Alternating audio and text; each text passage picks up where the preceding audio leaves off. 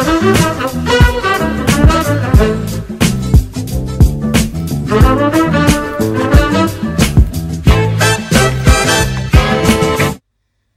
Selamat datang di Lini Podcast, ngobrol lebih dekat seputar gaya hidup sehat. Di episode spesial bulan Ramadan kali ini, mari mengenal lebih dekat mengenai puasa dan juga manfaatnya bagi kesehatan. Halo teman sehat, kembali lagi dengan saya Zafira. Nah, di episode sebelumnya, Kak Ahmad dan Prof. Fardin sudah ngobrol-ngobrol nih tentang kiat sehat mengakhiri Ramadan dan juga siasat gizi saat akan lebaran topik kali ini nggak akan kalah menarik loh. Kita akan ngobrol-ngobrol seputar uh, snack dan juga minuman sehat yang sebaiknya dikonsumsi saat lebaran. Tapi sebelumnya saya nggak akan sendirian karena saya akan ditemani oleh seseorang yang luar biasa. Beliau merupakan guru besar ilmu gizi FEMA IPB University dan juga Ketua Umum Pergizi Pangan Indonesia. Beliau ada Prof. Hardinsyah. Selamat datang Prof. Hardin. Bagaimana iya, kabar hari ini Prof? Kabar baik. Gimana Kak Zafira? Alhamdulillah baik juga Prof. Ya, Jadi kita ngob akan ngobrol-ngobrol tentang snack dan juga minuman yang sehat nih Prof saat lebaran. Iya. Tapi kan sebelumnya nih Prof, biasanya saat puasa kita kan eh, nggak uh, sarapan ya Prof, biasa digantikan saat sahur. Iya. Nah kemudian saat lebaran ini kan Sebenarnya kan, sih sarapan, tapi iya, sarapannya ya, saat, cepet ya oh, early cepet. breakfast. Oh, sarapannya iya. lebih dini kan kalau oh, iya. lagi Ramadan ya. Nah, terus kemudian kan saat uh, lebaran ini kita kan biasa dianjurkan untuk makan dulu ya Prof sebelum sholat Id. Menurut Prof Adin ini gimana Prof? Iya, itu juga sejalan dengan kajian eh, kajian-kajian di bidang gizi kesehatan khususnya tentang pentingnya sarapan dan manfaat sarapan. Hmm. Artinya uh, secara spiritual Islam mengajarkan memulai hmm. Budaya uh, keseharian ketidakpuasa itu harus juga sarapan. Kalau ketika bulan Ramadan sarapannya lebih dini, hmm, saat sahur itu ya. Iya, sahur jam 3 jam 4 artinya berbeda sekitar 3 4 jam hmm. lah, lebih awal dibanding dengan ketika hari biasa. Nah, ketika dimulai lagi hari biasa, dianjurkan lagi untuk makan atau minum yang kecil sebelum melaksanakan ibadah sholat. Artinya itu apa? Berarti sarapan yang dianjurkan secara uh, religius Islam, ya, berarti sebelum matahari sebelum terbit. terbit. Oh. Ya, eh, atau ya maksudnya ketika kita sholat Idul Fitri itu kan ketika matahari sudah sudah terbit ya. Iya, Jadi sebelum sholat, berarti hmm. kalau kalau di Bogor itu sekitar jam 7 ya. Berarti kan sebelum itu berarti sarapan, tapi tidak berarti harus bangun lagi jam 3 oh, atau iya. jam 4. Sahur lagi ya, Prof. Ya. Dan memang kan tidak uh, boleh uh, puasa pada hari besar Idul Fitri ya. Iya, termasuk Idul Adha ya. Nah, Prof, biasanya kan setelah sholat id nih, kita kan akan mengunjungi sanak saudara ya, Prof. Mm -hmm. Nah, biasanya akan disuguhkan makanan-makanan yang berlemak, kemudian makanan-makanan yang banyak mengandung santan, manis terus juga, juga ya, ya snack-snack dan minuman manis. Nah, menurut dari pandangan gizi itu sendiri gimana, Prof? Ya karbohidrat termasuk gula, yeah. lemak, oh, kemudian apa tadi garam yeah. ya, ada natrium klorida sana, itu adalah zat gizi. Iya, Prof. Tapi kalau kita kekurangan atau kelebihan itu tidak baik bagi kesehatan, bahkan mengganggu kesehatan, bahkan memicu risiko risiko penyakit lebih lanjut. Jadi pada uh, prinsipnya boleh saja ya mau makan kue mau minum tadi ada yang manis. Kuenya juga ada yang sedikit rasa asin rasa berlemak berminyak. Tapi please ya jangan banyak ya. Apalagi kalau berkunjung yang 10 rumah ya jangan sampai habis 10 potong cake iya. gitu ya. Ya itu uh, prinsipnya itu bagian dari zat gizi selagi pertama tentunya halal ya. Hmm. kedua aman ya pemanis yang ditambahkan pemanis yang memang itu dinyatakan aman. Artinya itu dijamin oleh pemerintah kalau kita menggunakan makanan-makanan yang berlabel ya. Kalau enggak kan uh, kita tahu mana yang biasa ini di pasar yang aman tidak akan membuat kita pusing, itu tidak membuat kita sakit tenggorokan, tidak membuat kita juga mual, muntah. Hmm. Begitu juga tadi entah itu minumannya ya. Nah, tapi lagi-lagi please batasi Ya kalau hanya satu gelas di kala lebaran, saya kira itu wujud kegembiraan ya. Iya nggak apa-apa ya, ya Prof. Tapi kalau dua tiga gelas, empat gelas, lima gelas, nah ini perlu introspeksi diri. Hmm. Tujuan kita buat apa gitu. Nah, Prof, ini juga masih berkaitan nih dengan tentang porsi tadi, Mm-mm. Prof. Biasanya kan kalau puasa kita kan eh, makannya juga nggak terlalu banyak ya. Nah, tadi juga sudah disebutkan sama Prof Ardin, kalau Lebaran sebaiknya juga jangan berlebihan gitu ya, Prof, makannya. iya. Nah, kalau dari segi makanannya sendiri, Prof, Hmm. kalau untuk makanan atau snack gitu, Prof, biasanya yang seperti apa sih, Prof, yang dianjurkan? Ya, pertama ini kan masa transisi ya. Iya, Prof. Baru saja kemarin-kemarin kita 30 29 hari misalnya gitu ya melaksanakan puasa dan juga bagian dari ibadah. Saatnya satu Idul Fitri, satu Sawal maksudnya. Ini dibolehkan ya makan. Nah, karena ini masa transisi, maka sebaiknya ya pertama dari sisi eh, jenisnya sebaiknya tentunya yang lembut ya. Yang lembut. Ya, kemudian yang kedua tentunya jumlahnya kalau misalnya tadi sarapan ya, jangan dulu sarapannya seperti eh, sarapan hari-hari biasa ya, Hmm. sama dengan sahur yang sering saya anjurkan itu sepertiga sampai setengah dari sarapan biasanya. Berarti Porsinya kalau ya, Prof. iya, Oh. porsinya.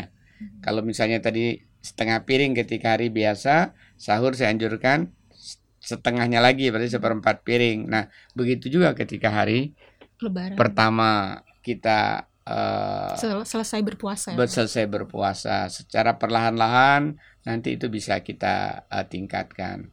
Begitu juga eh, dalam arti bumbu-bumbu yang digunakan cita rasanya. Gimana tuh, Prof, bumbu-bumbunya? Jadi saya sering katakan tuh apa? Jangan serba ter, hindari yang serba ter.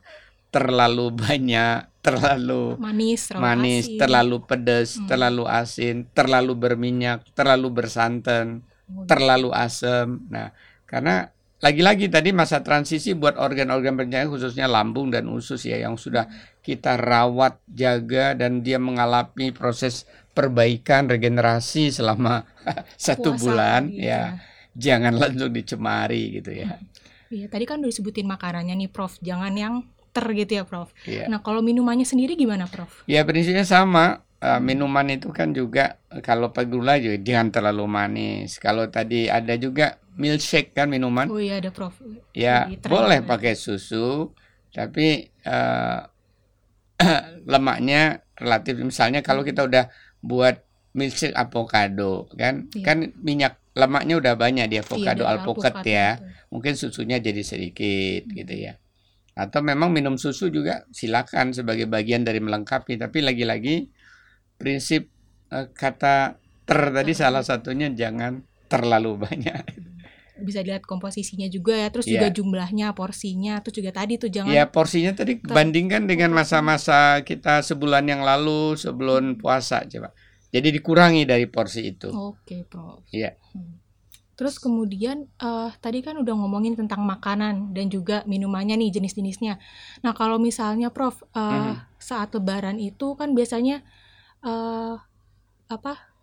Kita kan tadi udah disebutin juga yang enggak puasa eh enggak enggak sarapan. Nah, saat lebaran dan ke depannya nanti itu kan kita Bukan tidak sarapan. Iya, Sarapannya sarapan kalau puasa di itu dini, awal, iya, lebih awal ya. Tetap sarapan hanya lebih awal.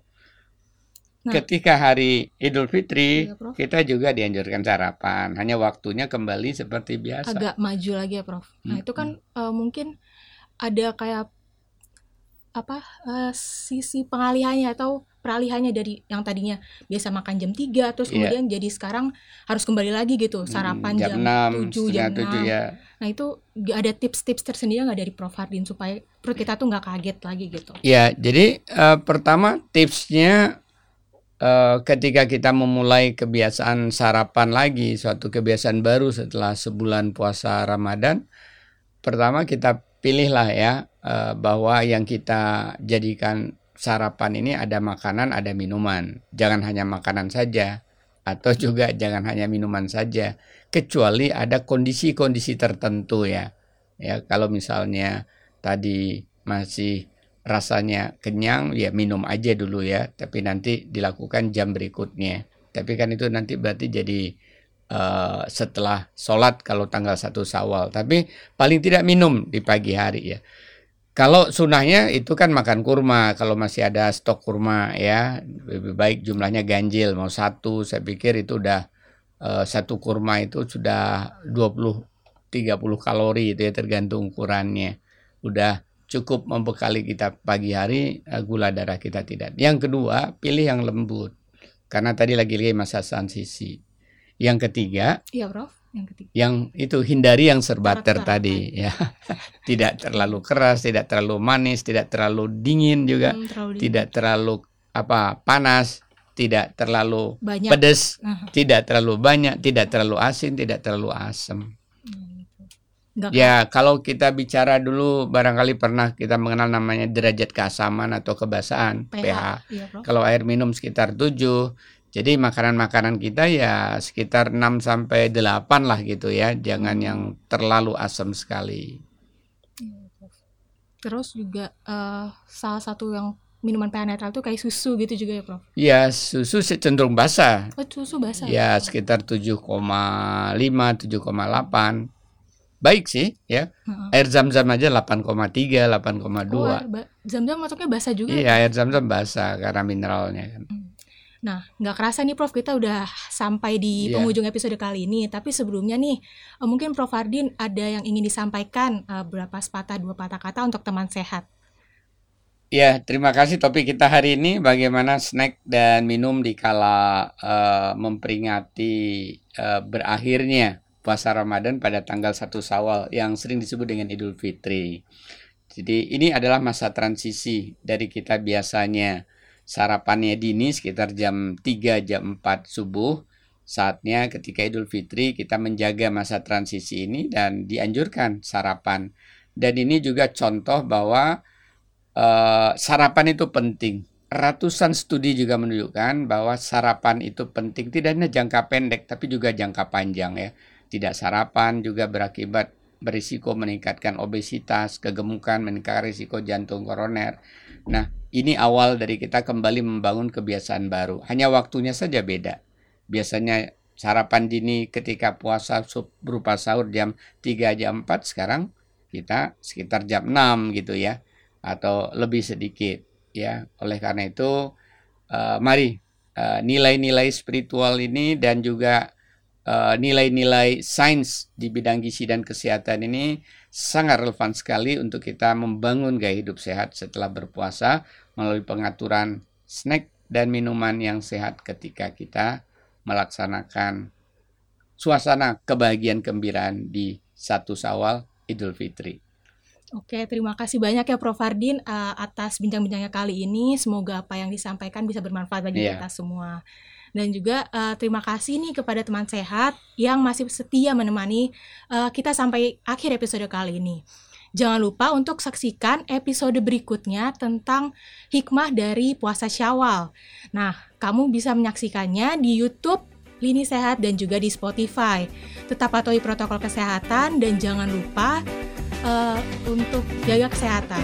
Terima kasih, sampai jumpa.